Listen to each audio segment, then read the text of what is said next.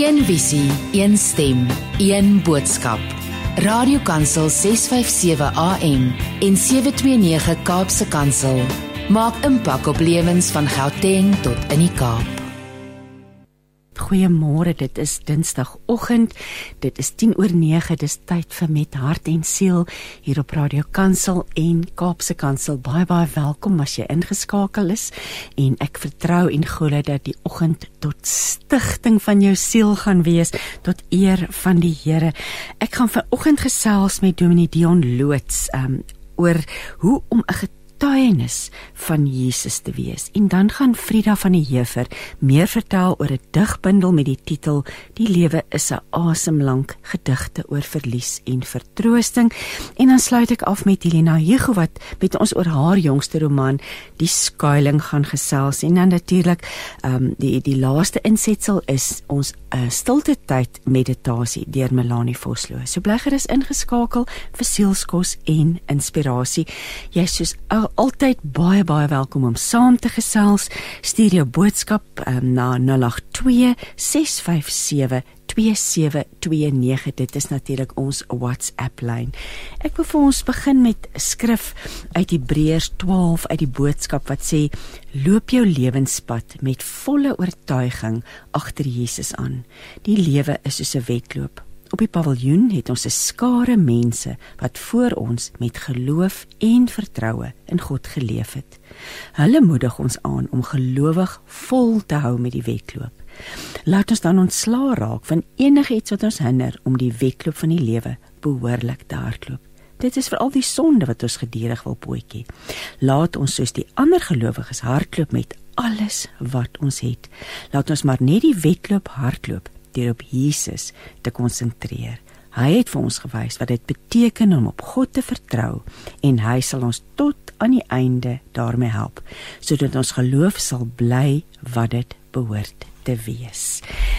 Ons het nou vir Dion Dominee Dion Loots, um, hy is retreatleier en geestelike begeleier van die Shama Retreat Sentrum in die Oos-Kaap op die lyn en ons gaan gesels oor hoe om 'n getuienis van Jesus te wees. Môre Dion. Môre Christine, baie dankie vir die geleentheid. So lekker om ver oggend met jou te gesels. Hoe lyk hoe lyk die weer daar in jou omgewing ver oggend? Nee, ver oggend baie mooi sonskyn weer, lekker windstil, baie mooi dag na die goeie reën wat ons gehad het. Wêreld is baie dankbaar hierso vir die reën. Ag, wonderlik, so lekker om om dit te hoor. Dion, jy het ehm um, jy het 'n hart vir disippelskap. Ek en jy het al gesels oor disippelskap, maar nou vat jy dit 'n stapie verder en het jy 'n boek geskryf met die titel Wat die hart van vol is, getuienis as spontane lewe, uitgegee deur CLF, 'n Christelike lektuurfonds uitgewers. Na jou mening, Dion, waaroor gaan getuienis regtig? Wat beteken dit? Ja, Christine, dit gaan eintlik nog altyd oor disippelskap. Die twee kan nie geskei word ja. nie. Maar in my verstaan daarvan gaan dit daaroor dat daar iets in jou lewe gebeur het. Wat ek eintlik sê dat jy iemand, naamlik die koning van die heelal, regtig ontmoet het, leer ken het en daarom jou lewe oorgegee het aan sy heerskappy.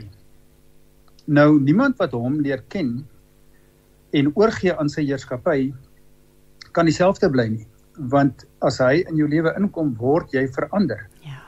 En dan het ek en jy die voorreg om te begin leef volgens God se oorspronklike doel.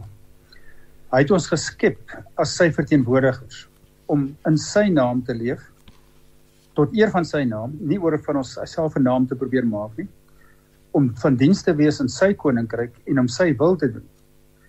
Nou enige iemand met wie dit gebeur en wat so leef in daai verhouding met God ek meen dis dis iets wat jy nie kan wegsteek nie. Dit verander jou totale lewe. Jou manier van lewe, jou optrede sodat jou lewe dan getuig daarvan dat iemand deel geword het van jou lewe. So dit is iets wat met jou gebeur wat wat net eenvoudig nie weggesteek kan word as dit reg is nie. En ander mense sal dit sien en en mense sal vir jou vra, wat het met jou gebeur? En dit sien ek baie met mense wat 'n pad van disippelskap loop dat mense na ruk sê maar jy het verander, wat het met jou gebeur? Hulle het verteenwoordigers, getuies geword van die lewende God omdat hulle hom begin volg het.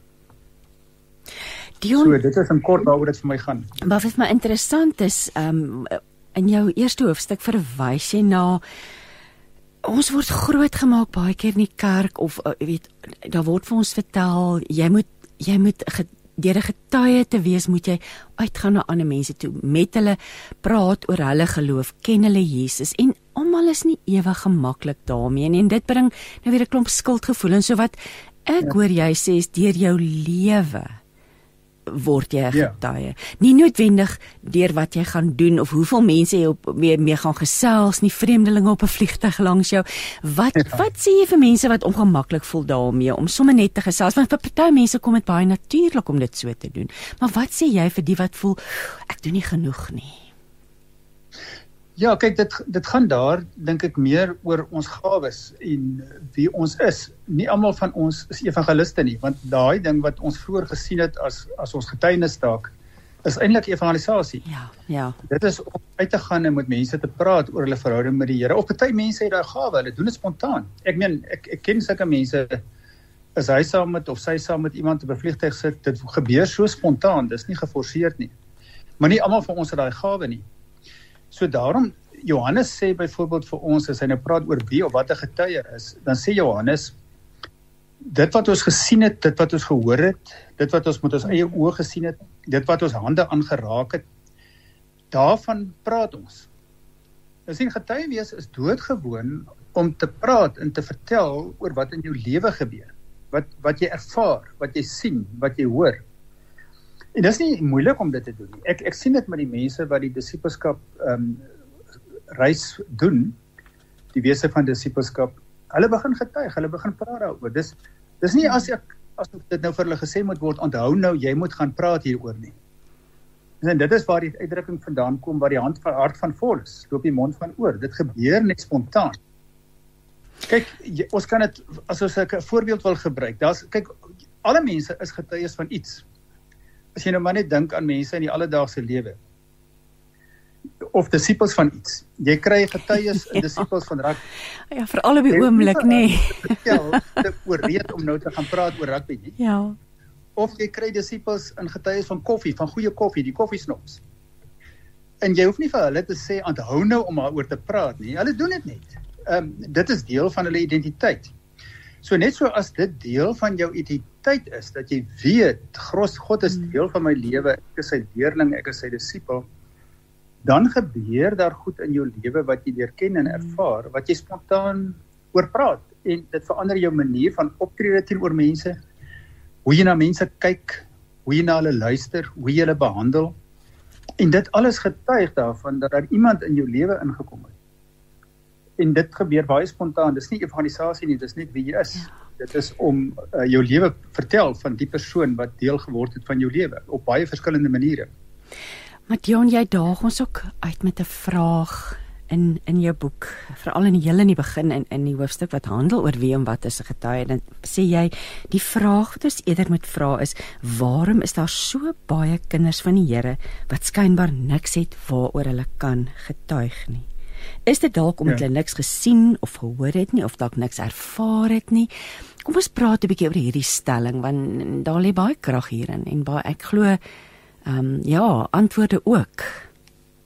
Ja, ek dit is baie jammer, maar ek dink vir 'n baie lang tyd het die kerk ongelukkig ehm um, die indruk geskep dat dit alles net gaan oor hemel toe gaan. Ja. En ons moet net mense help om geloofsekerheid te kry en dan intussen kan hulle maar aangaan met hulle eie lewe. En daai mense leer dan nie om werklik onder God se heerskappy te leef nie. Hulle hulle word nie sy leerlinge, sy disippels in die sin dat hulle oë en ore en aandag hmm. voortdurend op hom gerig is nie. Hulle gaan basies aan met hulle eie lewe, hulle gaan kerk toe, hulle gaan sel toe, maar dit is 'n gefragmenteerde lewe baie keer. Hulle het die sekerheid, okay, ek gaan hemel toe. En ek meen ek ek sê nie nou dit omdat ek so dink nie, ek het dit agtergekom met die mense wat hierdie disippelskap reis van my doen. Dis wat baie van hulle van my sê. Hulle was jare in die kerk sê hulle vir my, maar het nie geweet waaroor dit regtig gaan. Watter lewe onder God se heerskappy regtig inhou.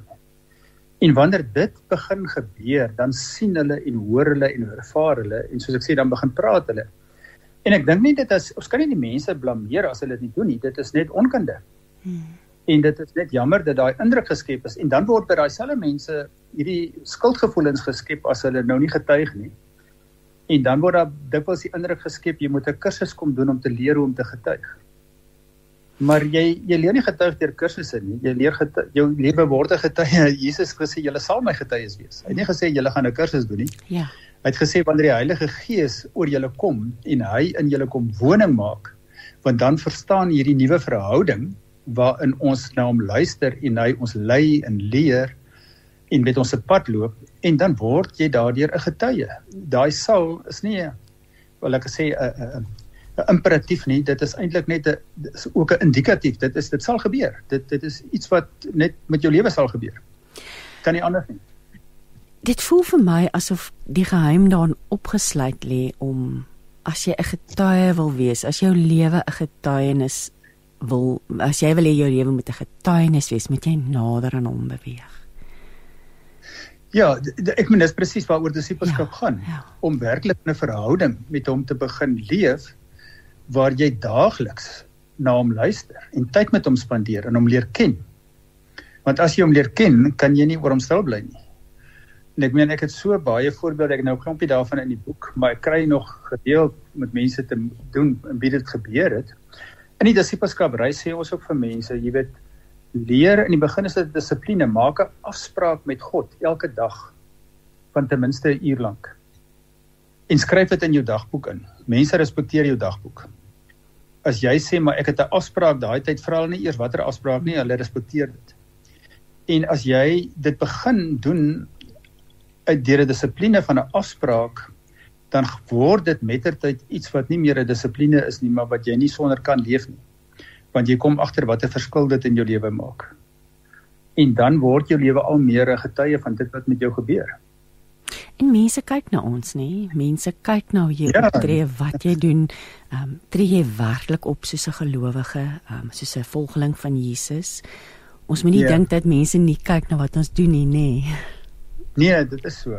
Hulle hou jou baie fyn dop as jy sê jy's 'n kind van God. Ja, en maak en dan natuurlik is dit ook maklik om dan uh, in in 'n strikte val dat mense jou oordeel en veroordeel en juis omdat jy sê jy's 'n volgeling van Jesus, maar soos wat jy nou sê, hoe meer tyd jy saam met hom spandeer, hoe meer werk die krag van die Heilige Gees in jou lewe en hoe makliker is dit wat die hart van vol is loop die mond van oor maar ja. kom ons praat ag dit, dit dit Jesus se invloed op mense want ons alles gaan terug na hom toe en ja. sy wandel hier op aarde kom ons praat 'n bietjie oor watter invloed hy op mense gehad het Ja dit is vir my regtig een van die groot goed in die evangelies kyk mense soos Dallas Willard sê dat uh, ons moet in die evangelies leef want daar kan ons vir Jesus dophou en daar sien ons die invloed wat hy op mense gehad het nou daar's soveel voorbeelde. Ek ek meen Sint Ignatius het sy volgelinge geleer om om jou te verbeel jy is daar. Jy's deel van die storie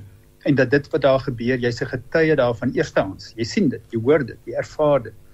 En dan sê hy laat Jesus toe om ook met jou in gesprek te gaan. Kyk in sy oë, luister na hom. En word die persoon met wie hy praat. Nou ek ek's baie lief daarvoor om dit te doen. Nou ek het byvoorbeeld baie die twee tollenaars, Olefie en Saggeus, baie diep in my hart gekry En ek het my daar in Olefie se skoene gesit, jy weet, ehm um, die tollenaar en wat Jesus by hom kom staan. Nou die Bybel sê vir ons baie min oor wat daar gebeur het. Die Bybel sê net hy daar kom staan en hom gesê volg my. Hmm. Maar nou kry ek hierdie indruk ek aan die tollenaars was nou maar Jode wat vir die Romeine begin werk het. En Levi was waarskynlik hierdie ouetjie wat nou beskool baie geboelie is, 'n nerd, ou wat baie bietjie akademies sterk is wat nou besluit het hy gaan hierdie ouens wat hom so geboelie het terugkry met baie seer in sy lewe. Nou sit hy daar by die tolhek en nou verbeel ek my Jesus kom staan daar en kyk net. En terwyl hy in sy oë kyk, is dit vir Lewe asof hy vir die eerste keer in sy lewe raak gesien word.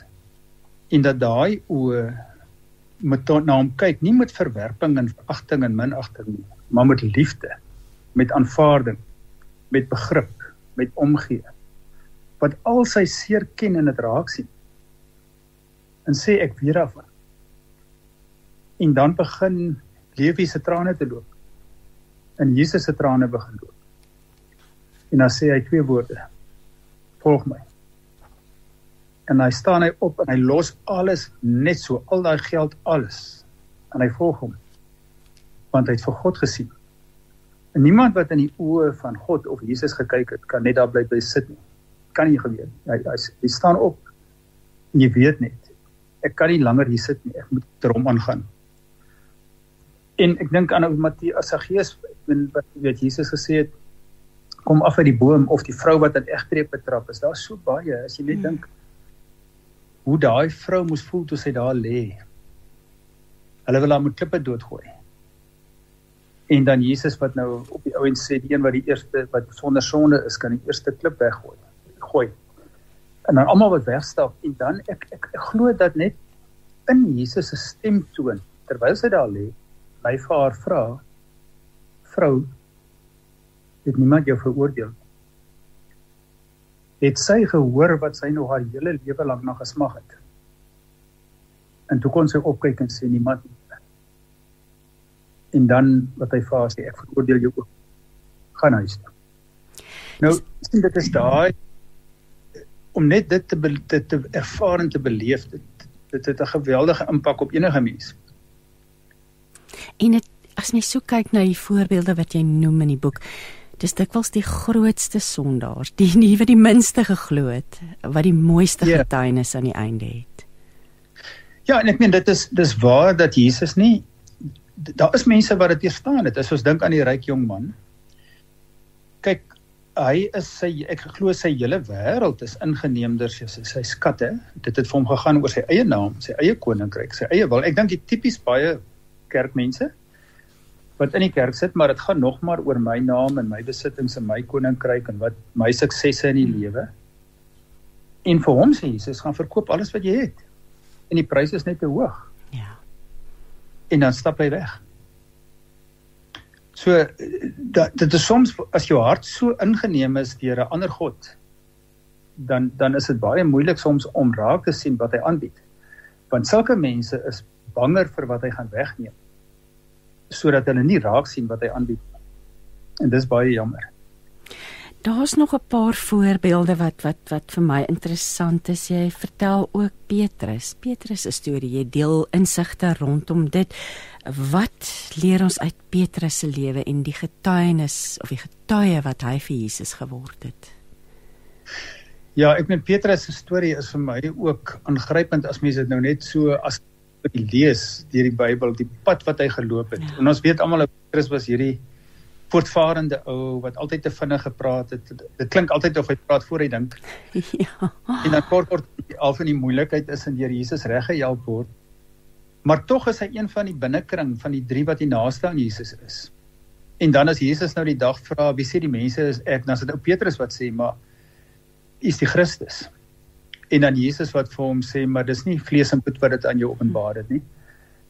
En dan op hierdie rots sal ek my kerk bou. Nou nou kan ek net dink en is ag ag as ons maar soos ons sê, jy weet as as daar erkenning kom in lof kom, dan dan gryp mense dit aan en nou Petrus het gedink het, "Wow, nou is ek daarom regtig iemand besonders en ek is naby aan hom en ek word uitgesonder hier en en, en Petrus is een van die wat saam met hom op die berg van verheerliking gaan wat dit wat dit alles sien gebeur en wat en wat so vol verwagting ek gehad in die berg afstap wat hy nou gaan vertel en dan word dit bietjie sy chunk afgetrap as Jesus sê moenie oor praat nie.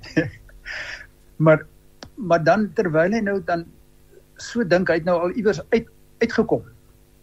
Dan sê Jesus maar nou as ek op pad Jerusalem toe. Daar gaan ek sterf. En dan neem Petrus op een kant sê Here, maar dit mag nie gebeur nie, dit kan nooit gebeur nie. En dan sê hy vir hom gaan weg agter my Satan. En net daai terugkom van hoor jy arriveer nie. Jy's nog nie daar nie.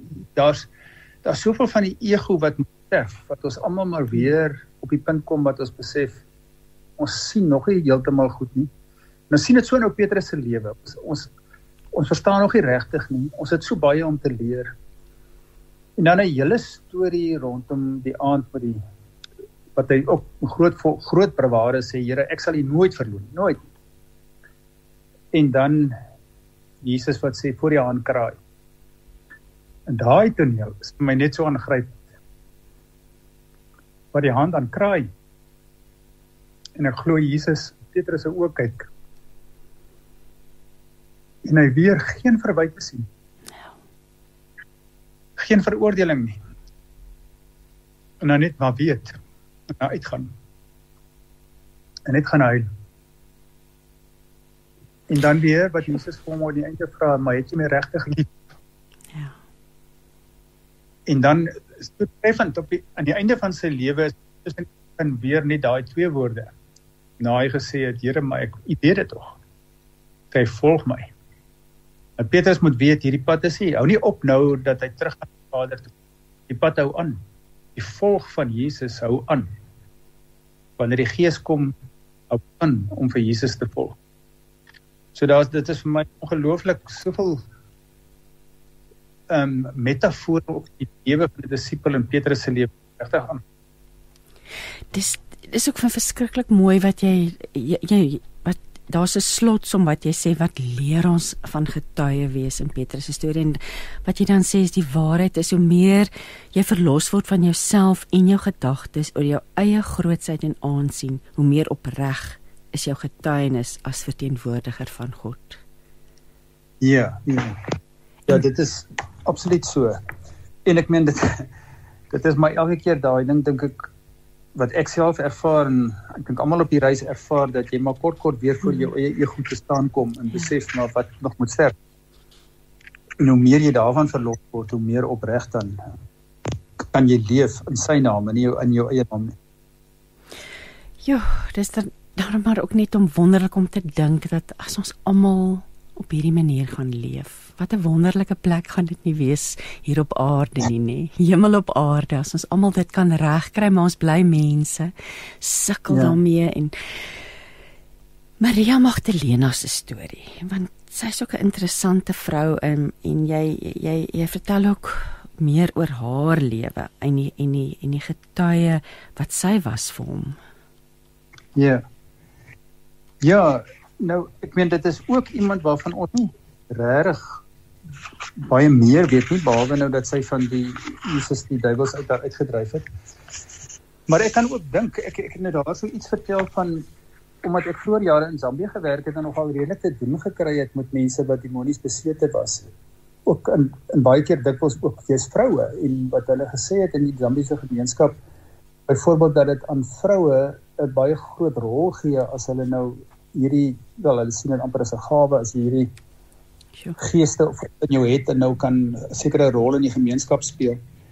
Maar dan mense wat wat bietjie status soek en aanvaarding soek, maar ook baie keer misverstaan word. Ehm um, in in Maria Magdalena se storie kan ons nou dink wat sy lewe sy moes gehad het en dan die oomblik toe sy bevry is en net tot rus kon kom by Jesus. Ek dink dit moes 'n geweldige groot ervaring en en en natuurlik die hoe baie vroue dan uitgebuit word misbruik word. En sy in sy arms kon lê en ek glo net kon sien maar by hom is daar geen bybedoelings nie. Hy hy het geen ander gedagtes oor my nie as net suiwer liefde en aanvaarding. En dan word sy eintlik een van kyk baie keer dink ons net aan die 12 disippels, maar daar was daai groepie vroue wat saam met die 12 disippels en Jesus altyd rond beweeg het en kos gemaak het en vir hulle voorsien het en vir hulle gesorg het uit hulle eie middele sê die woord. En dan word sy een van hulle wat absoluut net 'n disipel is en saam met hom stap. Ehm um, so ek dink dit haar lewe wys ook net ehm um, hoe radikaal 'n mens kan verander as jy regtig vir Jesus volg. Natuurlik 'n voorbeeld, 'n verdere voorbeeld daarvan is Paulus en jy skryf ook ook oor hom. Ehm um, ja, want weer eens geweldige 'n uh, uh, uh, dramatiese bekering.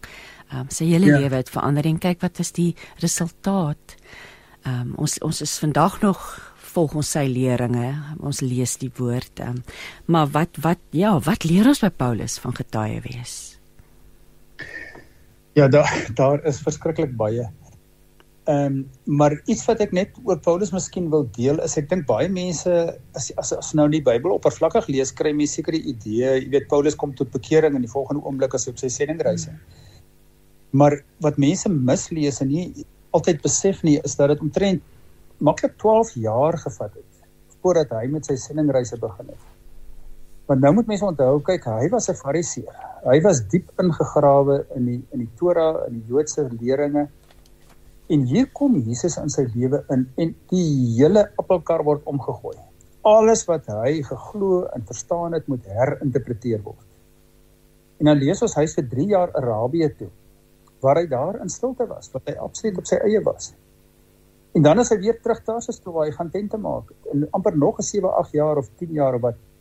En ek glo daai tyd het gebruik om in sy lewe vir hom alles te laat herinterpreteer en weer oor te laat nie te laat verstaan vanuit Christus as die Messias. En ek glo dis daai tyd van absolute intimiteit met God wat hy spandeer het, rypwording wat gemaak het dat hy met soveel wysheid sy briewe kon skryf. Want dit kom nie oornag nie. Dit kom nie van ek het vandag vir Jesus ontmoet en môre verstaan ek alles nie. So dit is my ook maar net weer daai ding dat ons in Paulus se lewe sien dit vat ook tyd om regtig aan Christus se voete te sit. Om te leer, om te herinterpreteer. Dallas Willard sê vir my ook iets wat baie mooi is. Hy hy sê iewers dat die groot deel van ons reis is nie wat ons moet leer of nie moet leer, maar wat ons moet afleer. Dit wat ons verkeerd geleer het, te laat gaan en af te leer en toe te laat dat dat God regtig vir ons wys wat ons dan nou nie moet leer. Maar baie keer is dit sukkel ons om te leer omdat ons nie wil afleer nie. En ek dink Paulus het, het of laat gaan nie en Paulus moes hmm. baie laat gaan. En dan sien ons maar ook in sy lewe dis nie dat hy alles dadelik uitgesorteer het nie ons sien nog in sy manier van optrede is daar soms maar iets van die ou Paulus wat terugkom maar tog het God was in beheer God het nou vir hom die pad gewys hy het nie meer self gekies wat om te doen nie daar staan in Handelinge 13 hy en Silas is deur die Heilige Gees uitgestuur en sien ons ook hoe die Gees vir hulle gewys het waarheen om te gaan waarheen om nie te gaan nie so sy lewe kom onder God se heerskappy in alle opsigte En dis natuurlik een van die dinge wat hy ook oorskryf is om ons aan te moedig dat die Heilige Gees daar is vir ons dat ons ook die krag sal ontvang. Ja, ja. Een visie, een stem, een boodskap. Radiokansel 657 AM en 729 Kaapse Kansel maak impak op lewens van Gauteng tot in die Kaap. Jy luister met hart en siel ek is Christine Ferreira en ek gesels nou met Dominee Dion Loots en ons praat oor hoe om 'n getuienis te wees, 'n lewe wat 'n spontane lewe van getuienis is. Dion, daar's 'n belangrike deel in die boek wat ek graag nou wil hê ons moet bespreek en dit is wanneer praat ons, wanneer praat ons nie en jy sê hoe en wanneer praat 'n getuie van God want dit Daar is maar dinge wat partykeer nie pad daarvan staan. Ehm um, vertel vir ons 'n bietjie meer. Kom ons gesels oor die moeds en die moenies. Ja, ek dink nou as jy die vraag vra hoe en wanneer praat 'n getuie van God, dan is dit eintlik 'n 'n vraag wat gebaseer is op die op op die ding dat getuie wees iets is wat ons doen. Ja, ja. En as mens verstaan dat getuies wees nie iets is wat ons doen wat ons kan kies wanneer ons wil doen nie maar dit is wie ons is. Dis ons identiteit. Ons is sy getuies. Ons is sy verteenwoordigers. Dan gaan dit nie daaroor oor hoe en wanneer ek praat nie. Dan is oral waar ek kom, alles wat ek doen, elke optrede, elke gesprek, elke kontak, elke handeling is ek 'n getuie. Omdat die Gees in my woon en in my werk en in my lei, is dit nie iets wat ek net nou en dan kan besluit wanneer ek dit wil. Dis amper soos dieselfde om te vra as jy as jy koffie snap dis ja, dis hoe en wanneer is jy dit? Nee, by ons is dit altyd oral. Dit is deel van identiteit. So op dieselfde manier glo ek as jy as jy verstaan jy is, dan dan is dit nie wat jy dit op sekere plekke en sekere maniere net doen nie. Dan is dit iets wat wat net spontaan na vore kom.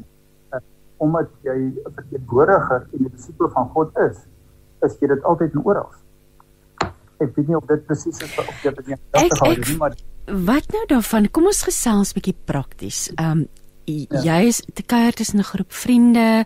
Ehm um, daar's 'n vreemdeling by 'n nuwe vriend van iemand en die persoon gebruik die Here se naam uitlik konstant. Ehm um, dit steek jou dwars in die krop hoe hoe hanteer 'n mens dit dan? Hoe wanneer praat jy dan? Want die, dis die, hierdie persoon het nou reeds agtergekom jy's 'n kind van die Here, maar hy aan om dit te doen. Sê mens iets bly jy stil. Waar's die waar's die lyn? Ja, jy sien daar het mens regtig baie wysheid nodig want ek kry dit verskriklik baie dat soveel mense skuldig voel as hulle nie soos hulle sê opgestaan het vir die Here. Ja. En nou iemand tereggewys of iemand reg gehelp het nie of vir iemand gesê het moenie so lelik praat nie. Maar as mens nou mooi daaraan dink hoe dit oorkom as mens dit nou doen, dan kom dit eintlik baie beter weterig oor, meerderwaardig oor, dit kom aanvallend oor, dit kom beskuldigend oor, dit kom veroordelend oor. En wat daarvan getuig van die liefde van Christus? So ek ek dink hierdie ek weet nie hoekom hierdie konsep so sterk by mense is dat hulle God moet verdedig of mense moet reghelp of aanvallend teenoor mense wees wat um, vreemd leef of anders leef as ons nie. Dis normaal dat mense so leef as hulle hom nie ken nie. So om eerder regtig belang te stel in iemand wat so praat en te sê maar vertel my meer van jou lewe. Ek ek dit klink vir my dat baie goed in jou lewe gebeur. Ek graag meer sal van wil hoor. Eerder met empatie en omgee teenoor so 'n persoon optree, sal baie meer getuig van wie God is en hoe God is as om die persoon tereg te wys en te probeer reghelp en net te vermaan. So getuie wees gaan ook nie jy's nie beskuldigend nie. Daar's jy weet daar's Christine is vir my so jammer maar daar is 'n beeld van Christene wat soms dat hulle baie arrogant is. Ja, en en ek dink 'n ja. groot deel daarvan is daar's goeie redes daarvoor. Die Amerikaners het so ruk terug 'n film gemaak wat die titel is Saved, verlos.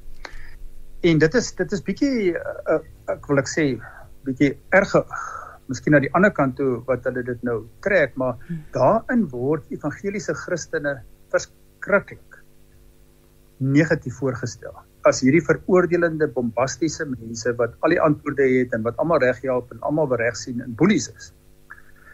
En dan is dit eintlik die mense wat nie vir Christus ken nie in die fliek wat baie meer met die gesindheid van Christus leef. Nou ek dink dis 'n baie sterk aanklag teen die Christendom. Maar dit gee my stof tot nadenke. Wat sê ons regtig deur ons optrede en ons woorde? En hoeveel van die gesindheid van Christus kom oor wanneer ons optree of of met mense praat. Dit sulke situasies is. Dion, dis my baie mooi hoe jy ons ook herinner daaraan. Hoe tree ek op as ek in die in die lang tou staan by binnelandse sake of as ek haastig is, hoe tree ek op in my kar? Uh jy weet waar niemand kyk nie, want daar is natuurlik die, die grootste sendingveld is is daar waar jy juist tussen ander mense is en jy sê ook die lewe is die plek waar ek hom verteenwoordig. Kom ons praat 'n bietjie daaroor want ek dink ons val almal in daai slaggat. Jy raak ongeduldig, ons is maar net mens, maar dis eintlik waar ek 'n getuie moet wees, nê? Nee. Ja, en en ek dit, daar gaan dit weer vir my ten diepste oor die feit van jou werklike identiteit. Want kyk nou, nou sal mense byvoorbeeld sê Dominee leer ons om te getuig en dan wil hulle nou een of ander resepte hê en op sekere aande uitgaan om te gaan getuig, maar maar ek meen dit is dit is soos ek vroeër gesê, dis meer evangelisasie, maar Ja, ja. Wanneer jy getuie is, is juis in daai krisis oomblikke in die verkeer, wanneer daai taxi voor jou inry. Wie verteenwoordig jy dan? Ja. Hoe tree jy op? Is jy vriendelik of swaai jy vuis of wys jy vinger?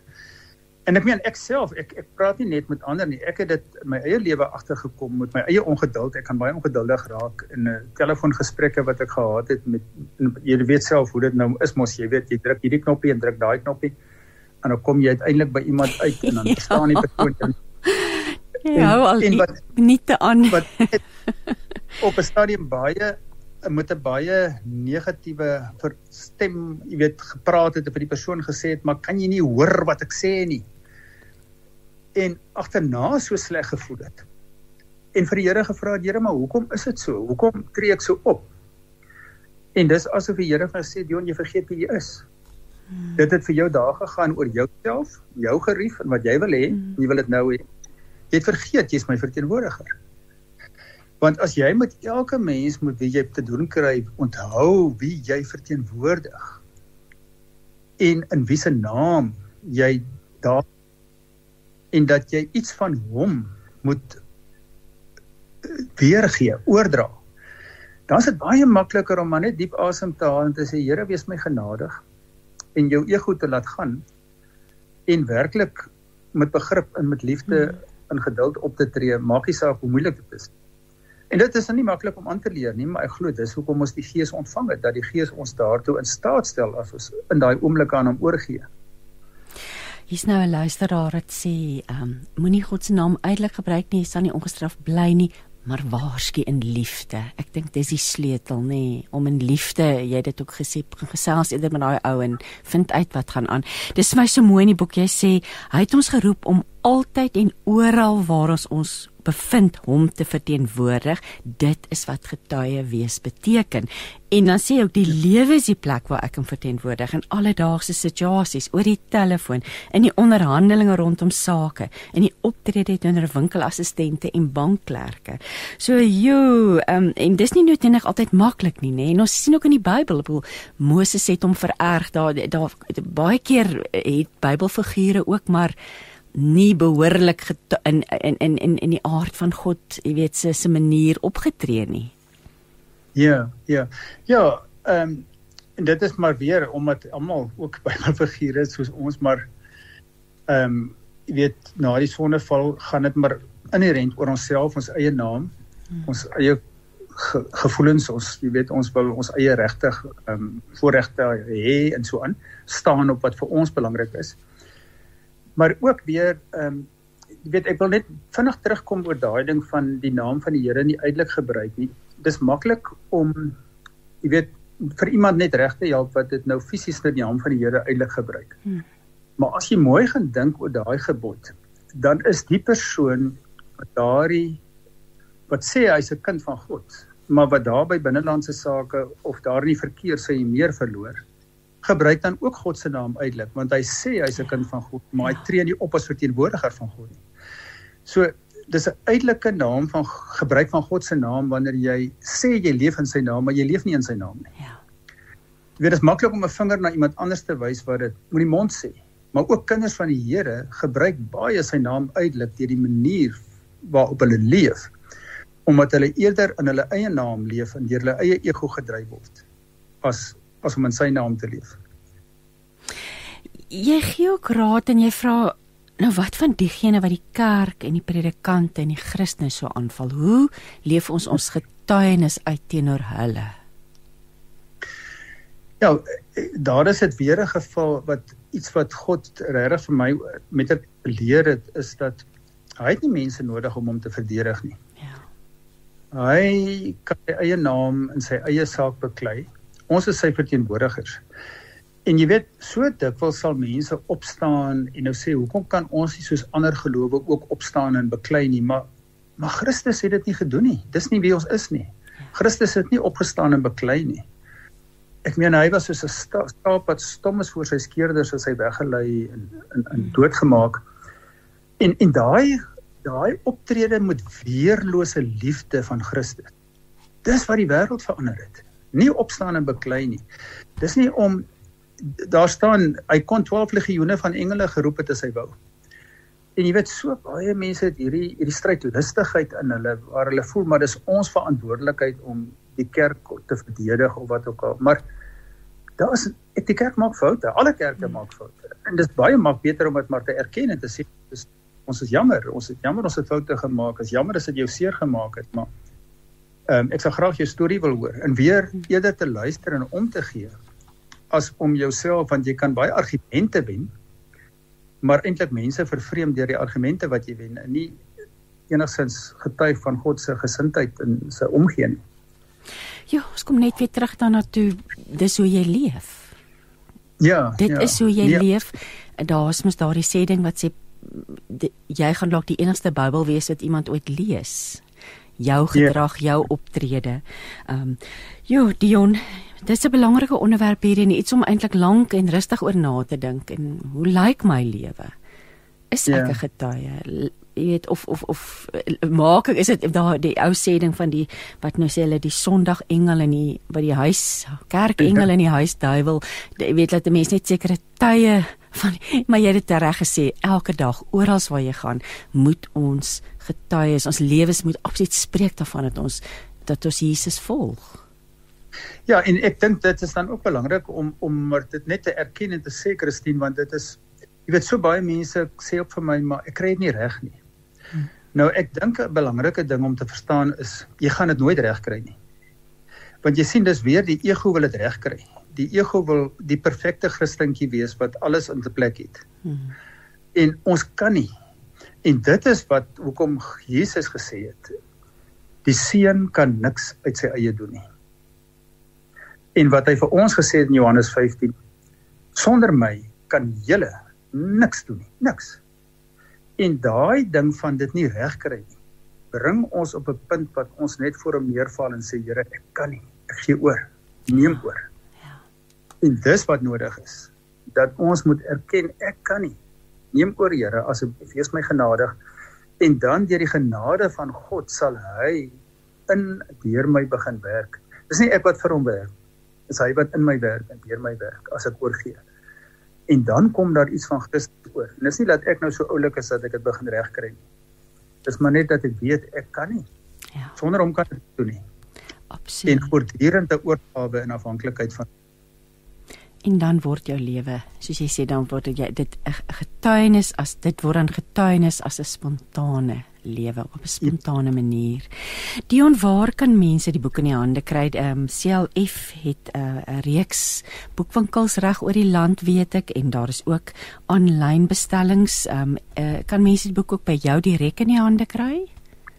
Ja, dis eintlik makliker. Ek sê ek dink ek het maar net 3 boekwinkels ehm um, Wellington en Bloemfontein en iewers nog iewers.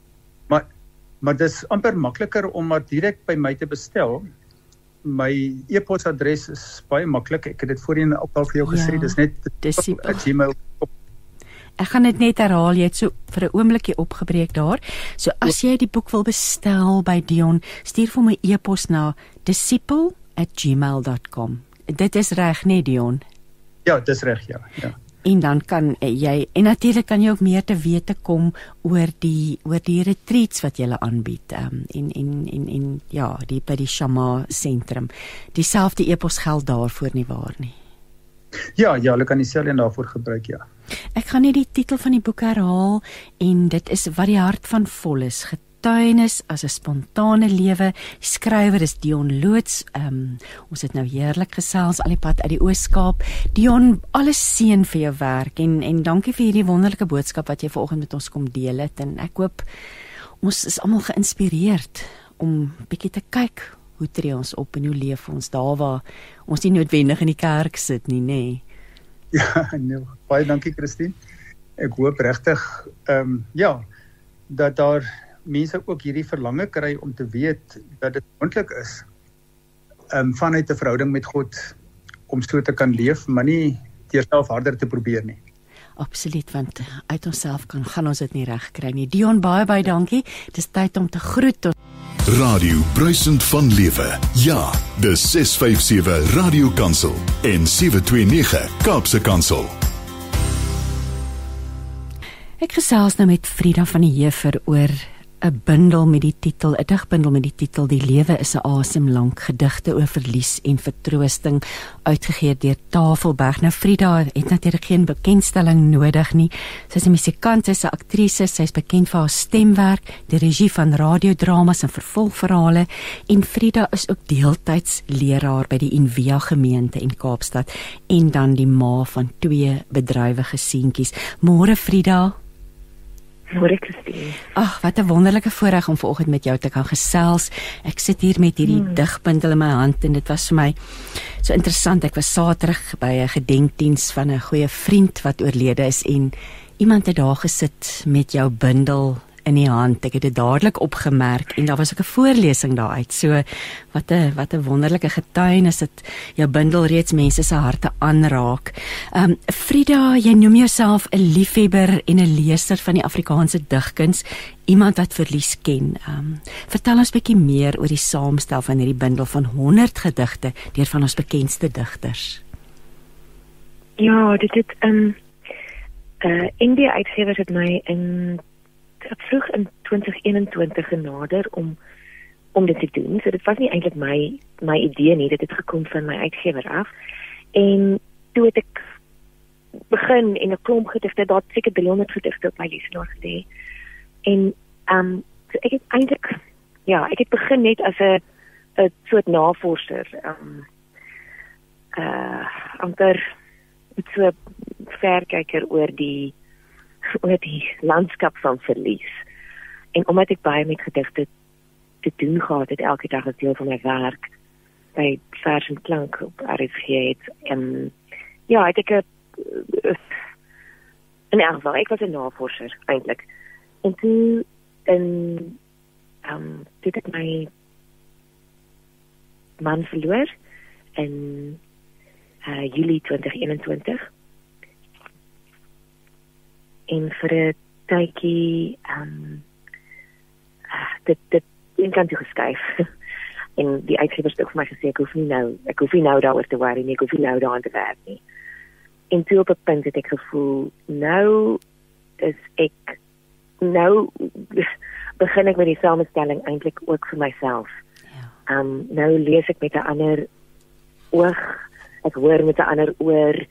Ek is nie nou meer net 'n navorser nie. Ek is nou ek ek ken nou hierdie landskap. Ek ek ken sy draaie en en um alhoewel almal se landskappe lyk like anders, daar's iets van van verlies wat 'n mens dis daar's 'n saam daar's 'n hmm. saam wees met ander mense.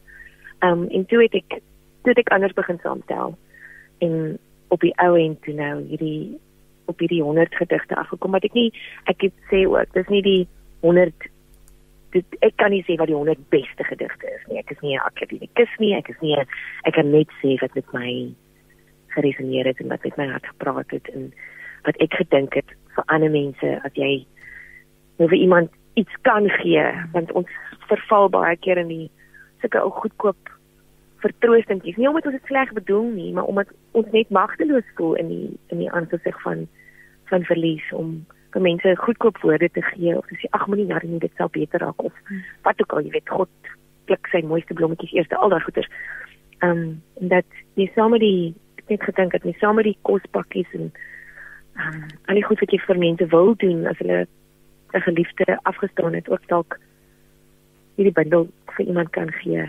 Dalk later, nie wil nie aan die begin iets lees nie, maar dalk na so 'n tydjie.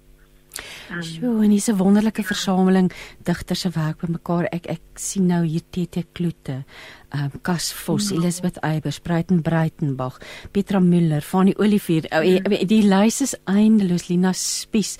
Ehm um, ja, so dit dit was seker jy het gepraat daar was meer as 300 gedigte. Dit was sekerlik moeilik geweest om dit af te syfer of ehm um, nou nee, doen.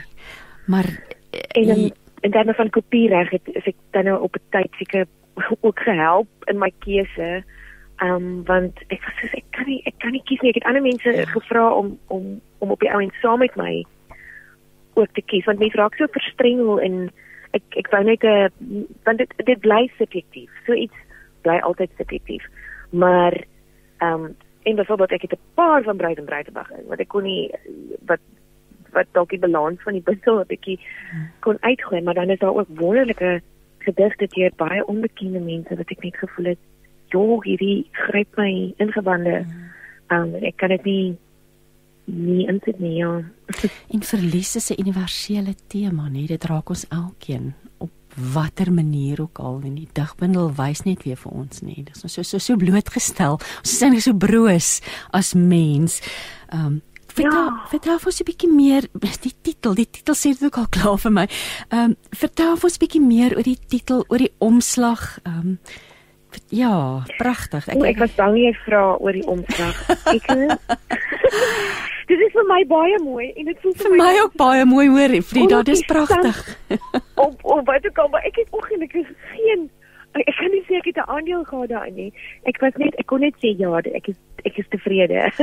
so daar het hulle het 'n klomp idees gehad en toe um op hierdie inbesluit en ek het ek het gedink dit is mooi en goed en dit is 'n harteband um bundel met 'n klein lyntjie in wat vir my ook amper ja, simbolies is.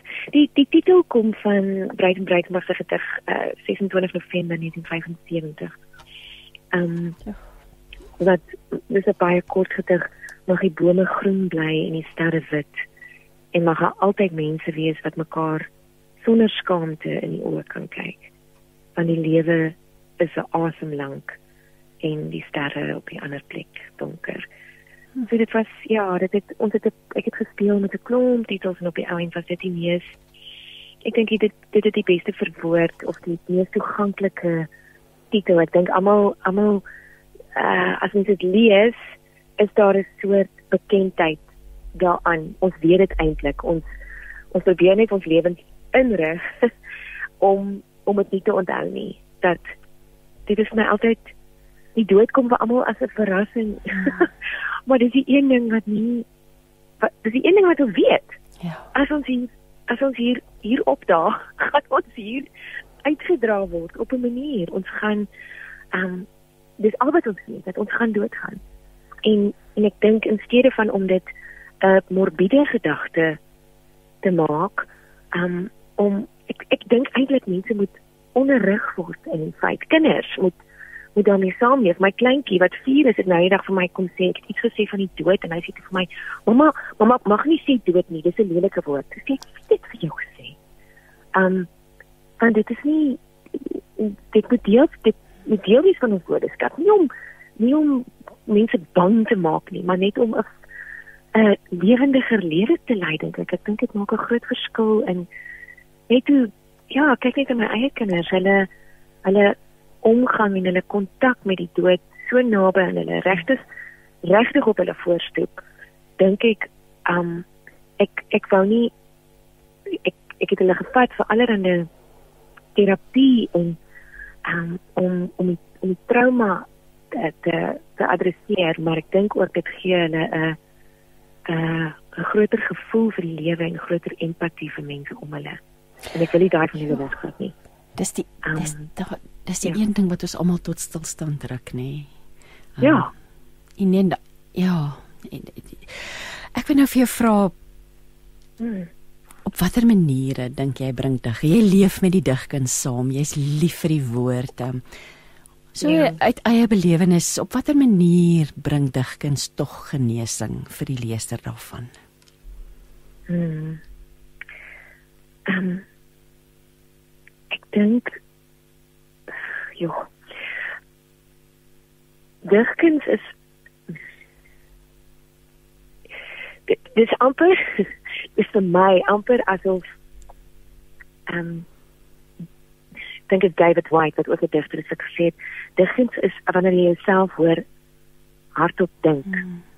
Um en ek dink dit is uh, alhoewel dit so mens kan sê dit is so gefilterd is so nie, nie het nie omdat daar so min woorde omdat dit nie 'n storie is nie omdat dit nie daar so min woorde in 'n gedig eintlik elke woord moet omgedraai word en herbedink word maar daar's iets daar's ook iets wat wat net suiwer wat, wat suiwer is daarin wat die wat die intellek vir my wat is wat nou 'n mooi woord is vir bypass dit skiet reguit na die na die hart toe um nie dat dit nie mense verstand besig hou, maar mm. daar's my da ja, daar's vir my iets van van digkuns in terme van uh, alle ander genres wat wat wat direk na my my my lyf en my hart toe gaan. Jy het nou so um, gepraat van dat dit reguit na die hart toe gaan en ek het nou oopgeslaan by Sheila Custins se laaste wens wat net sê staan dan net uit die lig en vat my sag. Hm. Hmm. Nee. Jo, ja. Frida, hierdie boek roer 'n mens se hart. Dit is werklik waar. Dit is ek dis met deernis saamgestel en 'n mens kan dit aanvoel as jy daardeur blaai. Nou in die voorwoord is dit vir my so mooi eh, deel jy ook 'n gedig met die titel Seën vir die gebrokenis van hart wat jy en jou pa, hy's ook predikant, vertaal het. Sal jy omgee om hierdie gedig vir ons te lees? Nee, ek sal nie omgee nie. Ek ek sukkel net om dit te lees sonder om emosie. Um, ja. Ehm um, sal jy verkies dat ek dit lees? Sal o, gaan jy sal jy.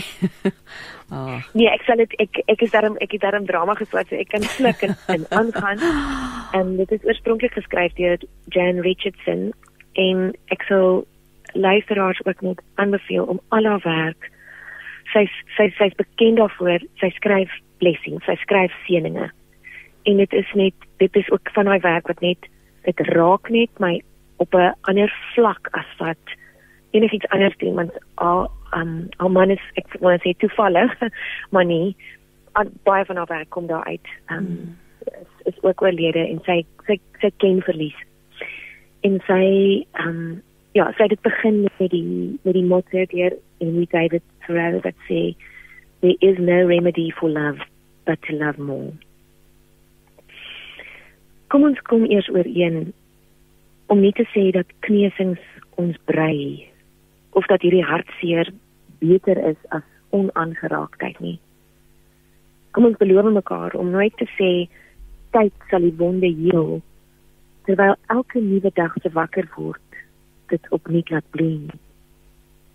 Miskien is dit voorlopig genoeg om ons net te verwonder oor die geheimenis dat 'n gebroke hart steeds klop. So asof dit presies hiervoor bedoel is. So asof dit weet die enigste genesing vir liefde is meer liefde. So asof dit weet die kuur vir gebrokenheid is om steeds en meer en aan te hou lief nie. So asof dit vertrou dat sy eie volhardende geklop die ritme is van 'n seun wat ons nie begryp nie maar wat ons nie sal red. Oeg, is pragtig, pragtig. Jan Richardson, blessing for ja, the broken heart. Dit seën vir die gebrokenis van hart. Ons het 'n tyd gelede, ek dink dit was nie lente uitgawe verlede jaar het Jacqueline Leefenink 'n artikel, 'n hmm. onderhoud met jou gevoer. Um hmm. en en jy sê wou so lank dit gedoen het en ons het toe toe rukkie gewag en toe was die tyd reg gewees en die, die artikel word begin ons nou met 'n prik in die joernalis is die stelling wat sê God is daar in die lig en die donker van die lewe en ook alles tussenin. En nou wil ek vir jou ja. vra, wat beteken hierdie stelling vir jou? Um nog ietsie wat jy vir ons oh. daaroor kan sê? Um ek ek sukkel om dit te verwoord, maar ek dink eintlik dit is die dit is die dis dis om dit te kan beliggaam te my lewenswerk wees dink ek as ek dit sou kon kon kon doen. Vir my is um goed uh, goed is ek, ek glo God kom vir hom na ons toe as ons as ons lewens. Daar's dis nie daar daar's nie 'n spesiale plek of manier of my my lewe is die manier hoe God na my toe kom. Ehm um, en dit wat mense sou beskou as lig, dit wat mense sou kon beskou as as donker, probeer ek ek regtig net sien as verskillende aspekte die dag en die nag van die lewe. En ek het so tydjie terug toe, uh, met my met die herdenking van die 2 jaar wat my man oorlede is in daai maand is ek gewoonlik ekstra jog ekstra velloos ek voel so dun en um en ek het gevoel hoe, hoe ek voel net hoe goed vir my sê hoe goed in in my in my liggaam dit dit my teweeg bring om te sê dans in die donker dans in die donker en um daar's 'n vir my om om om 'n asem te haal. As mense kan sê as mense kan sê ek het op my ek het op my eie asem gehaal. Maar ek kan sê daar het 'n ongeluk gebeur of iemand is uit my lewe uitgeruk en hoekom dit was God se skuld. Hmm. Ek kan nie daai ek, ek ek kan nie daai onderskeid tref dat ek op my eie verantwoordelik is vir my asem, maar dat God verantwoordelik is vir die verlies in my lewe nie. Dit was nog nooit vir my 'n um, ek het nog nooit daai kon nog nooit daai verstaan nie. God is alles. God is in die lewe en die dood en die in die in die in die kom en die gaan en die ja, en ek weet net ek ek is nog ek is nie vir een oomblik alleen gelos nie. As ek as Christus elke tree gegee het. Ja. Op die aarde wat ek gee. Ehm um, dan dan voel ek my elke tree wat ek gee bring my nader aan aan die aan aan sy blou druk in in my daar's vir my niks anders daar bly vir my niks anders oor as dit aan die einde van die dag nie dat ek in Christus is en Christus is in my en vir baie mense is dit 'n misterie dit is 'n misterie ja. maar ehm um, die die die woord sê ook die om die om die geheimenis van die misterie te kan ken en dit dit op sigself blaas my brein om die om die misterie te kan ken. En um, ja, ek ek is dis nie net in my dis nie net in my kop nie. Dis in my hart en in my in my lyf en in my kinders en um, nee. Daai daar weet jy nou net mee begin het om te sê dis amper elke skuifeltreetjie van ons lewe nê en om dit net ja. bewus daarvan te wees en dit raak te sien. Ek het nou net met Dion loods gesels oor hoe ons lewe 'n getuienis kan weet 'n getuie kan wees en jy beam en bevestig dit ons ons dis dis 'n misterie. Ons weet nie en ons moet net volg nê en luister en sjoe Frida. Oh, woorde van troos vir oggend na 2 jaar. Jy sê jy vel is dun, is maar dun in daai daai herinneringsmaand. Ehm um, maar dalk iemand wat vandag rou, iemand wat luister, so iets wat jy ja. graag vir daardie persoon sou wil sê.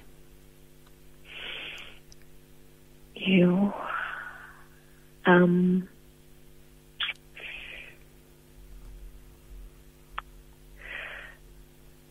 um, wil sê dat dat daar die moontlikheid bestaan. Um, wat wat ek weet en ek weet nie baie dinge nie en ek is nog steeds op 'n regtig op 'n reis. Maar wat ek weet is dat ek my hart is nie is. Ek het geweet my hart kan of in stukkies breek of my hart kan oopgeruk word. Hmm. En ek het net elke dag gevra dat dat ek net kan ek net kan ek oop kan ek net ooper word. En ek ek weet regtig dat dit 'n moontlikheid is dat 'n mens ten spyte van te midde van en ook as gevolg van verlies meer kan lief hê en dat dit um, dat, dat dit nooit die gat toe maak nie maar dat dit 'n vervullende lewe moontlik maak. Um, sonder sonder iemand wat jy gedink het jy nie sonder kan lewe nie. Dat die lewe gelewe wil wees. Um, en ja, ek het dit ek dink ek het dit daai in, in daai artikel ook eendag gesê. Ek het met my seentjie in die, in die hospitaal gewees net 'n paar maande na my man se dood. Die laaste plek waar ons wou opeindig. Hy was so bang. En die die nagsuster het elke keer as hy ingekom het, pil en dan 'n manier van sug was dit sy so gesit by op die bed en sy sê ja, mamma, die lewe wil gelewe wees. En ek het dit op my hart getatoeëer en ek het net um, dit is my dis dis my lese elke dag as ek opstaan en vra dan dan dan jy moet jy moet kies om om ja te sê vir 'n lewe wat jy nie gekies het nie. Um en om elke oggend weer voetjie vir voetjie ja te sê vir hierdie lewe. Um omdat dit my lewe is. En nie om iemand anders nie, om my lewe te bewoon. En ek weet nie hoeveel troos dit bied nie. Um maar van iemand wat dit elke dag nog steeds doen. En en en elke dag baie balle laat val en elke dag opgee en elke dag nie kap nie, maar weer begin. Ehm um, weet ek dit dit is 'n moontlikheid. Is daar dalk 'n gedig uit die bundel wat jy vir ons net wil afsluit? Um, ja, ek het nou net hier oopgeslaan en ek weet nie hoe um, ek ek, ek glo dat daar ehm um, ook in dat dat daar ook troos lê in die waarheid. Dat die waarheid soms ontstig maar dat daar ook troos lê. So ek ek hoop dat dit iets daarvan ding is 'n dis deur Clinton vier duplisie en hy ehm um, hy's 'n digter wat nie doekies omdraai nie. Hy hy skryf dinge soos hy ja. Die gedig se naam is Nabetragting en ek het die afdeling oor verlies. Ehm um, daarmee begin omdat dit gaan oor verlies. Die lewe gaan uiteindelik net oor die verwerking van verlies. Dit wat jy kortstondig wou glo, jy vir altyd kon hê. Dit wat jy nooit kon kry nie en 'n leeftyd bly najaag. Afskeid neem van besit. Afstand doen Soms beleef jy die verlies van ander asof dit jou eie kon wees. Die seentjie in die rolstoel wat woel, wat woel water agter 'n bal aan sou wou voeter of in 'n poel modder wou ploeter in 'n boom wou klim oor 'n heiningstorm en blindelings met 'n doringdraad se hak met 'n geitige gat in sy broek kon skeer. Om agter 'n vlugtende rooi nek voeltjie aan te wil beer maar vir hom bly dit net 'n versigtiging dat hy klein klein opkrop en met sy tyd leer om beer met sommige verliese kom die vrede maak makliker die sinkgat groot hap uit die belegging vir aftrede verduister deur piramides en magiese fopmakelaar die weggevrete geheue van 'n rekenaar met jare se dagboekhou opgeskryf in die wankelrige onthou.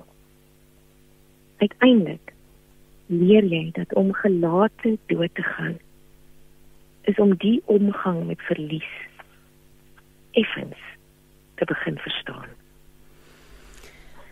daai klein doetjies wat ons elke dag sterf ter voorbereiding dink ek om ons siel ligter te maak om om te leer om te laat gaan om te leer om om met jou hele hart en jou hele siel lief te hê. En en dit wat jy lief het dan te laat gaan. Dis die dis die die lewe. Ja. Sjoe. So veel wysheid en waarheid daarin vervat jy Frida, ek wil vir jou so dankie sê dat jy vanoggend jou hart met ons gedeel het. Dit um, was kosbaar om na jou te luister. Ek gaan die titel van die bundel herhaal vir diegene wat dalk laat ingeskakel het. Dit is Die lewe is 'n asem lank, gedigte oor verlies en vertroosting, saamgestel deur Frida van die Heever en die uitgewer is Tafelberg. Frida, alles wat mooi is vir jou en seën, sommer net seën vir jou en die seuns. Dankie Christine, dankie hiervoor. Dit was goed om saam met jou te wees. Absoluut, absoluut. Dit was heerlik en alle seën en sommer baie liefde van hierdie kant af. Ons is hier vir 24 uur met die boodskap van die ware lewe op 657 Radio Kansel en 729 Kaapse Kansel. Ons het geluister na I Bless Your Name deur Dasai Liz. Spreuke 30 vers 5 sê: Elke belofte van God is betroubaar en hy beskerm die wat by hom skuil. Ek gaan nou gesels met Helena Hugo oor haar jongste roman, die opvolgroman vir die lewe wat ek vir jou gegee het met die titel Die skuiling, uitgegee deur Lux Werby. Môre Helena. Hallo, hoe gaan dit met jou? Ag, dit gaan goed met jou. Dis altyd lekker om met jou te gesels. Ehm um, ek ek kan nie glo ons het baie onlangs gesels. Jy staan so bedrywig en so 'n uh, produktiewe skrywer. Hier hou ons weer 'n boek in die hand. Ehm um, die skuiling. Wat kan ons te wagte wees van hierdie nuwe roman, die opvolgroman van die lewe wat ek jou gegee het? Weet jy, ek ek lees nou weer die skuiling. As jy vers het gelees, tel ek nou goed op wat ek al vergeet het. Die skuiling is baie vol. Maar daar gebeur uh, baie dinge in die skuiling en en en ons praat oor baie kwessies en ja, ek ek ek het nog nou lekker gelees tot nou gesoom 3 kwart. ek het ek het die boek ek het die boek oor die naweek gelees en ek moet sê ek het net so lekker gelees. Jy het darm net 'n vermoë om pragtig te skryf, mooi te beskryf, 'n heerlike storielyn te vorm, um die karakters aan 'n mens oop te breek, voor te stel. Um die hierdie is die storie van Berdien, Berdien wat in die vorige boek na die Karoo dorpie toe moes gaan uh, om by haar ouma te gaan kuier, opgebreek met Paul die chirurg. Die storie gaan nou verder, nê. Nee. Ons wil nou nie te veel weggee nie, maar wat kan lesers te wag te wees? Weet jy weet jy jy het nog gesê praat oor oor die, oor die titel uh, uh, uh, skuiling want uh, die skuiling beteken eintlik 'n hele paar dinge. Vir vir bedien is dit 'n uh, reis terug na haar geloof en haar wortels. Jy weet en sy uh, vind skuiling daar het hoor jy die trefvers gelees God ja. beskerm die wat teen wat wat wat by hom skuil jy weet so dit is wat wat met haar gebeur. Sy gaan terug en en sy vind haar geloof weer maar daar is ook 'n stukkie wat waar ek waar sy weer moes huis toe gaan na klein plaasie waar sy groot geword het om om, om weer so van reg te kom na 'n verskriklike vernedering en en en die verhouding wat opgebreek het met Peer. En en sy sê ook dit dit was haar haar skuilplek vir 'n rukkie. En en dan gaan sy Karoo toe waar sy nou nie begin en ja en en daar uh, is die predikansvrou Kimilani wat regtig probeer om berge te versit daar so ten koste van haarself ook kan jy sien in die boek uh, wat hierdie huis vir die meisies wil begin want hulle hardloop na die pastorie en en en is eintlik onwettig om hulle daar skuilings te bied. Maar nou het hulle verskriklik baie probleme met hierdie skuilings en en dit kom in die boek ook uit jy weet ja die hele gemeenskap is nou teen die plek en hou die meisies self mm. weg mm. en en die skuilings self lyk ook nou so 'n bietjie soos 'n tronk want hulle het nou 'n eislike heining om en alles is gesluit en die vrugtebome is uitgehaal want hulle nou 'n nuwe tuin maak. Jy weet so ja, dit is die skuilings se storie maar verdien vertel dit uit al hoe kyk daar oog. Jy het nou so ja. net so flissies daaraan geraak. Ehm um, daar's baie kwessies wat aangespreek word, kwessies wat vroue raak in die boek. Kom ons praat ja. 'n bietjie daaroor want soos altyd skryf jy dit met die mooiste deernis, sag. Mens voel nooit weet ons stig en ons stel nie maar jy spreek die waarheid aan. Kom ons praat 'n bietjie oor die dinge wat jy aanraak in die boek. Ja, weet jy, ek het sommer heel aan die begin met die intrapslag het ek begin met 'n potasie stukkie uit 'n gedig wat Elizabeth Barrett Browning geskryf het. Dit is dinge nogal vreemd gekom van haar. Uh, want jy sit nog al bietjie baie vir jouself baie keer veral uh, digters. En en dan skryf sy nou jy weet oor dat ek gaan nie die quote voorlees nie dit uh, die leerders kan dit lees in dit afskrif dit ja hoe hulle nou moet uh, vir die mans tevrede stel dat dit is besig met naaldwerk die hele tyd deur en verwag het eintlik van haar iemand sy het hierdie groot liefde in haar lewe sy loop weg met hom sy het 'n verskriklike huiskus geword haar pa het om een of ander rede besluit sy kinders mag nie trou nie. En en, en sy sit hier in die kamertjie en sy is eintlik siek en en sy uh, het hierdie vriendskap naam van Browning. En en weet dit begin daar waar sy dan uh, dig oor die onderdanigheid. Die onderdanigheid wat vrouens en pelle moet altyd die man tevrede stel. Dis wat vir hulle daar is. Jy weet dit is 'n ander aanhaling van van Ralph Waldo Emerson wat sê uh, women should not be expected to write or fight or build or compose scores. She does it all by inspiring men to do it. en hy is in 183 gebore, né? Ja. 183 tot 1852 so dit was dit was is dit. En en en daar was dit is nog so. Daar's nog mense wat so glo, nog manne en vroue wat homself buig.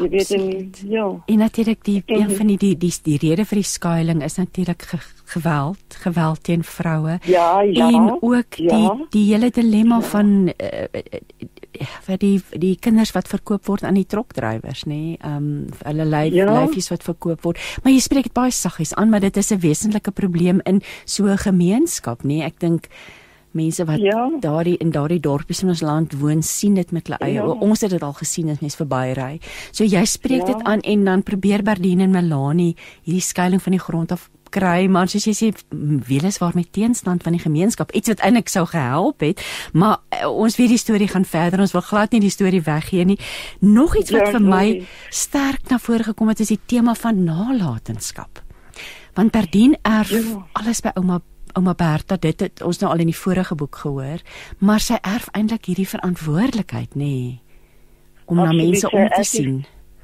Sy erf die verantwoordelikheid en, en en dan in ja, sy sy staan in vir haar ouma en sy wil vir haar ouma instaan, maar sy word nie aanvaar nie.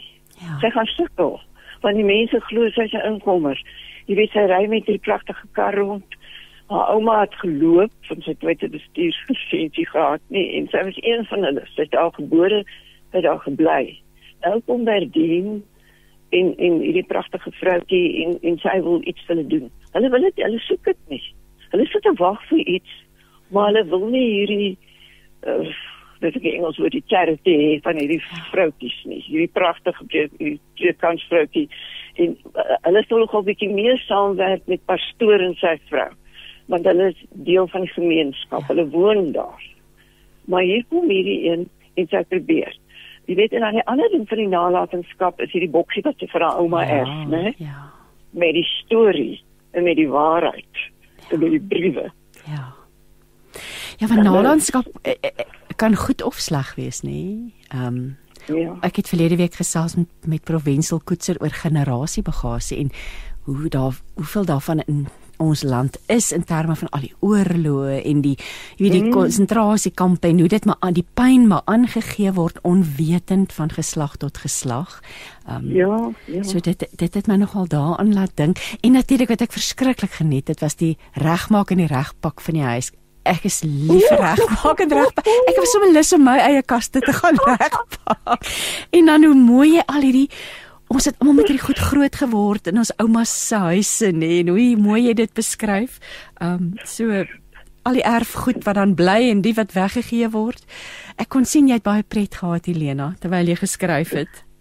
Ja, maar jy weet jy hoor mos oor hierdie stories en my een vriendin vertel my toe hulle haar ma se goed opruim, toe hulle hele waar vrag 'n bakkie vrag ou margarien bakkie.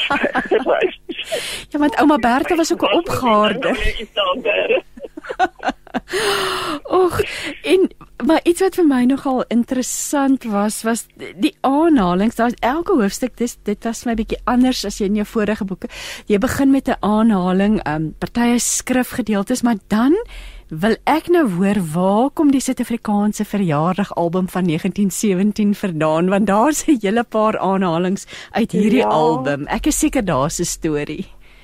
Dis kostelik, weet jy nou, nou sê hulle vir die mense was nie vry pas jy huis aan die brand is, né? As jy sê weet kan jy al hierdie goedjies net een kant sit. Maar ek het die tussen my skoonmoeder se goedjies gekry na haar dood. Nooit voor haar dood nie en en en dit dit is geskenk aan aan Eben Hugo aan aan haar man. My skoonpa wat ek nooit geken het nie weet jy want hy is oorlede toe my man 'n baba was. So daar's ook 'n 'n lang familie storie maar weet jy die boekie is kostelik en en dit help my verskriklik baie om te sien hoe mense in daai tyd gedink hmm. het. Ek weet wat vir hulle belangrik was. So dis dis regtig kostelike aanhalings en hulle iemand die die, die Hollands uitgewersmaatskappy het dit gepubliseer um, om Afrikaans nou weer 'n bietjie te promoveer. Jy weet so dis dis regtig pragtig jy ek het hierdie een waar waar hulle sê 5 uh, Januarie begin hulle sommer nou sê hulle klink daddy soveel skoner sê dan papa of papi Yes, yes, of no in skoner klank dan nee of ja dat hy toe van eie taal spel volk van Afrika. Dis my mooi wat jy sê dit met nasionalisties en so gaan oor die volk in die nasie en en die foto's wat daar is wat ek ook van praat in die boek is is almal volkshelde, jy weet. Uh, O nee, dis 'n kosbare boekie. Kosbaar. Jy het hoofstuk 6 begin jy met soek jou roeping en bestemming nie bo die wolke nie, soek dit in jou werk en in die kring waarin jy geplaas is. Natuurlik lieflik van toepassing op Berdien en wat daar alles aan die gang is. Nee, ja, Helena, ek het geweet ja. daar's 'n storie rondom hierdie verjaarsdag album. Maar nou dan is natuurlik ook baie skrifverwysings en ek wil ek wil jou komplimenteer dat die geloofsdraad loop eg deur die boek. Dis nie bo opgesprinkel so sout en peper nie. Um is dit is vir my nogal was my opmerklik geweest, was lekker om te lees hoe jy dit regtig inbring en inweef in die storie. Die skrifverwysings eh, wat wat watter skrifverwysings wou jy uitlig en wat wou jy daardeur sê? Dit ek het hulle nou nie almal hier afspreek. Weet jy lees uit Hosea die die ding is skrif uh, verwysings moet motiveer op daai oomblik die gevoel en en en die pad mm. van die storie en en dit gaan eintlik oor Berdien wat weer teruggaan na die Bybel want sy het hoe lank die Bybel gelees nie het met Peer het gesê pak weg daai boek jy weet ja. ek wil dit sien nie so sy moet nou weer herontdek En en dit ja as jy as jy jou Bybel so lees, dan ontdek jy self mm. ook soveel jy weet wat vir jouself van nut kan wees. Ek ek is ook nou in Frans stout is met baie keer die Bybel oopmaak en dan sê ek ag jy gee my net 'n bietjie moed vandag. Ja, ek doen dit ook. Ek doen dit ook. en Jesaja en daar staan God is my redder, ek betrou op hom, ek is nie meer bang nie. Jy weet jy nou gesels ek lekker met jou. Uh, ja. Die skrif is vir ons regtig waar belangrik. Dit, dit moet ons lewe lei en en dit is wat hier met Berlin gebeur. Dis nou ek, dit toevallig my oog vang nou die skerm rekenaarskerm hier links van my en raad op Radio Kansel se Facebookblad is daar nou op die oomblik 'n uh, 'n plasing Jeremia 32 vers 72 wat sê ek is die Here die God van al die mense is daar iets te moeilik vir my om te doen Ja. Is dit nie ja. wonderlik so in 'n ja. moment wat 'n stukkie skrif kom en 'n mens so kan bemoedig nie. Ja. Kry ons dit en dit kan help met die skuilings want hulle gaan nog baie probleme hê. Ja. kom ons gaan terug na die Karoo dorp. Ehm um, want dit ja. die, die lewe op die Karoo dorpie vorm die agtergrond vir die verhaal. Eh, kom vertel vir ons 'n bietjie meer daaroor want dit dit is dis so mooi geskryf. Weet jy, ek moet nou my bril opsit want ek ek, ek ek ek het nou 'n stukkie daarso weet 'n plekkie dink sy net terug. Jy ja. weet aan aan aan aan die Karoo. Oh, het ek dit nou nie gesê. Maar in elk geval oor hoe hulle vakansie so intoe gegaan het want sy sy sy gaan weg. Jy weet hulle woon eintlik in Johannesburg, hier so ja. waar ek nou woon. En en dan dink sy terug aan hoe lekker dit pas daar en die Kersfeeste en uh, hoe vir saam met dan niggies en haar neefies geswem het weet toe, toe ek 'n kind was het ons ons het verskriklik geswem. Elke plekkie waar daar water gat is spring ons in jy weet. En, en ek was bevoorreg genoeg om so rukkie in Karoo te woon. So dit jy vergeet nie maar is 'n plek nie dit twee van jou. Dit is 'n regtig baie spesiale stuk van ons land. Hy's hard maar hy's mooi en die mense is wonderlik. Jo, ja, natuurlik die die plaaslewe jy beskryf hierdie uh, speel bietjie meer af op die dorp as die vorige boek. Ehm um, maar natuurlik ons kan nou nie van Dieter vergeet die veearts nie. Ehm um, hy staar ehm um, en Ivy die die burgemeestersvrou. Daar's al hierdie heerlike karakters, so tipies eintlik van van mense op klein dorpies. Ehm um, wat het jy laas vir ons vertel? Mense herken altyd mense wat hulle ken in jou stories en dis net so bedoel om te wees nie, nê? nee, nee, weet, weet jy, o nee. Uh, maar Ivy was ek het Ivy uitgedink. maar maar ons sal net sê, maar Ivy se huis. Ja, ja. Jy weet hy goue Louis die 14de Meubels. En en alles en dit is hier in die Karoo en en, en sy het hierdie twee sulke huise in hierdie meubels en maar sy is eintlik 'n baie goeie karakter. Sy is sterk, sy staan agter haar man. Jy weet hy kan eintlik nie sonder haar regeer nie want sy kalmeer hom en sy hou hom toom en en aan die begin dink ons so nie in in in, in die lewe wat jy gegee het word sy nie voorgestel. Jy weet, hmm. jy dink oor die lui vrou wat op die stoep sit en lees met krullers na hare, wat is nie. sy ken ook al mense en sy het ook daar groot geword en sy sy weet hoe kom hulle is soos hulle is ja. jy weet ja. ja en sy bring ook sy sy bring baie insig vir Berdien en natuurlik sy's net ja. so hard hard aan die werk om te help want Kersfees gebeur ook in die boek en is te mooi hoe jy al die hierdie konserte die tipiese jy weet in die in die kerksaal die kinderkoek die konsert en die ag die beskrywing daarvan is net te pragtig Elena vertel 'n bietjie vir ons kan ons uitsien na 'n derde reeks in die boek as jy is jy al ja. besig. Ja. ek, ek ek is eintlik besig met uh, die grootste hiervan is die liefde van die vorige reeks wat oor gepraat het. Maar nou terwyl ek dit skryf, het ek nou hierdie een al klaar uitgedink. Ek weet presies wat gaan gebeur. Uh, ek hoop nou nie die karakters gee my nou genoeg leiding dat dat ek dit so kan skryf. Maar ek dink aan hulle, veral omdat ek nou die boek weer moes lees jy weet hulle hulle is oeh, ek sou lief vir hulle, ek sou lief vir almal. En Ek ek loop met Dinus gelukkig en ek loop Melanie is gelukkig op jou. O, en hy oulike ou seentjie wat ons daar ontdek. O, natuurlik, dis ook 'n hele nuwe karakter. Ons gaan nou nie weggee nie. Luister ons gaan maar self gaan lees. Maar ag Helena, dit is altyd 'n plesier om met jou te gesels en so lekker om te hoor jy's nog aan die skryf. Gaan dit eindig by 3? Is dit gewoonlik maar 'n 3 like of kan hy kan kan hierdie hierdie maar 'n 3 like?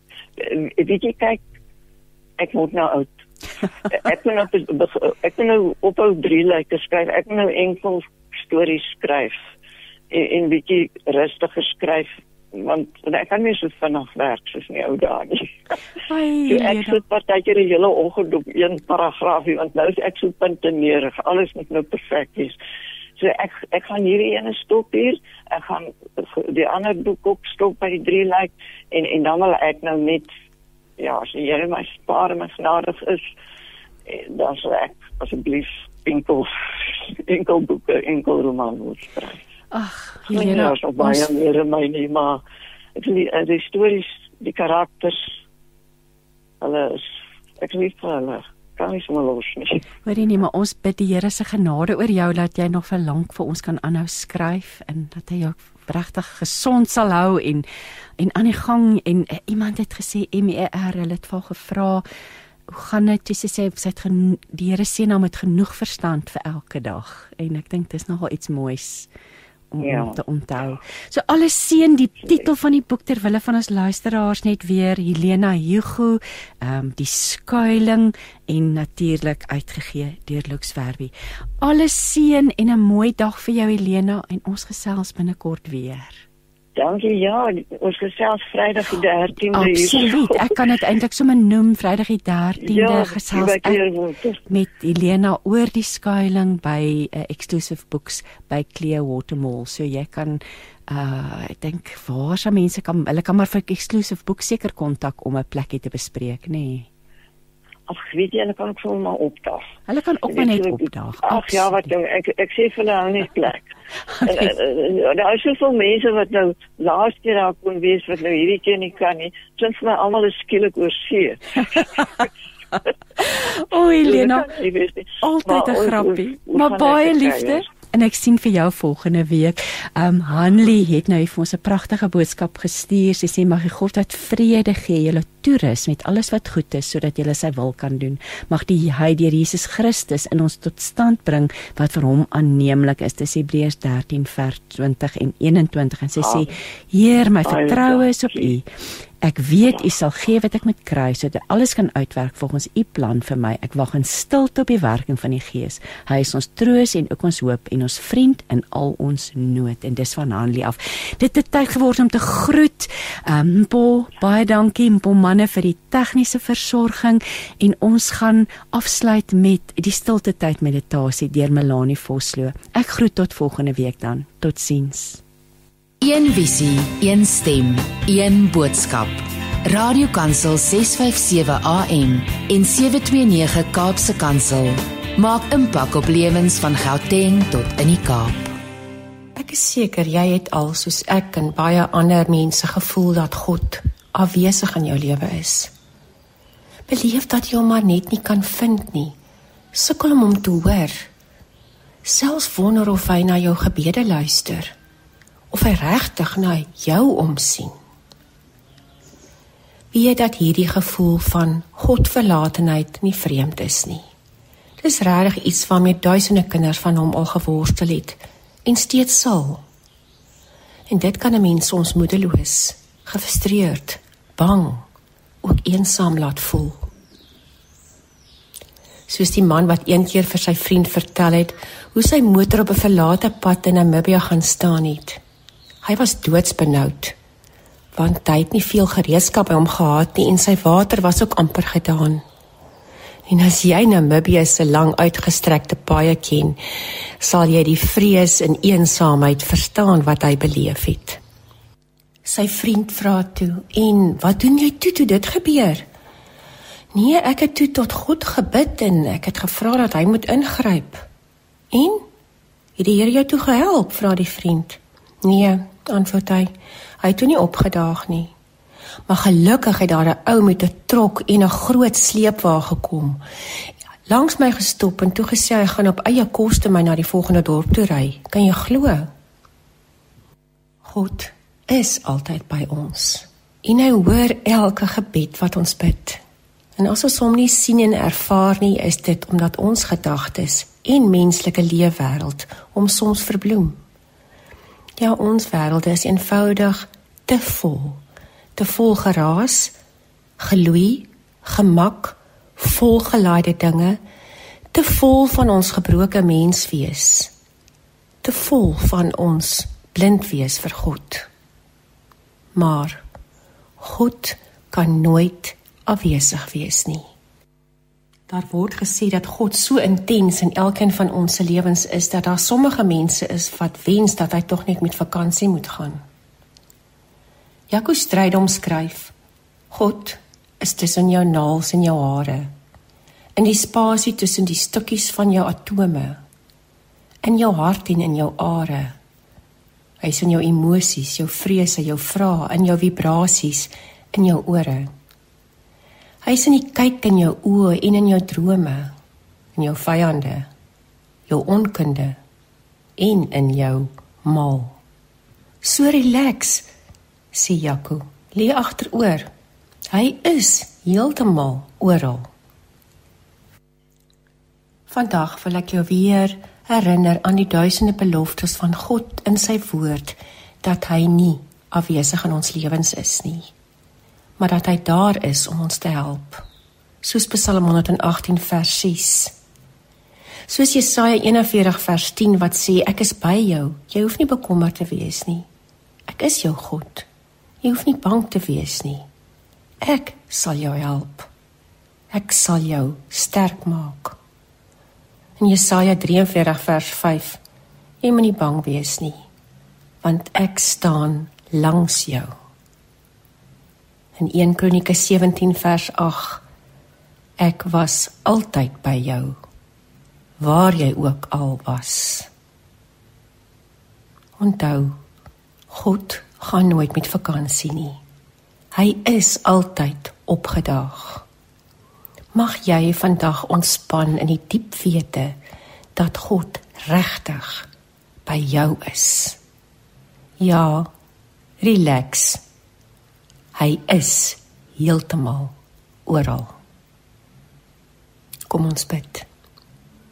Here, dankie dat U altyd opgedaag is in my lewe. Dat U my klein wêreld, my hart, my emosies, my menswees raak sien. Dat U dit raak vashou en dat U my raak liefhet.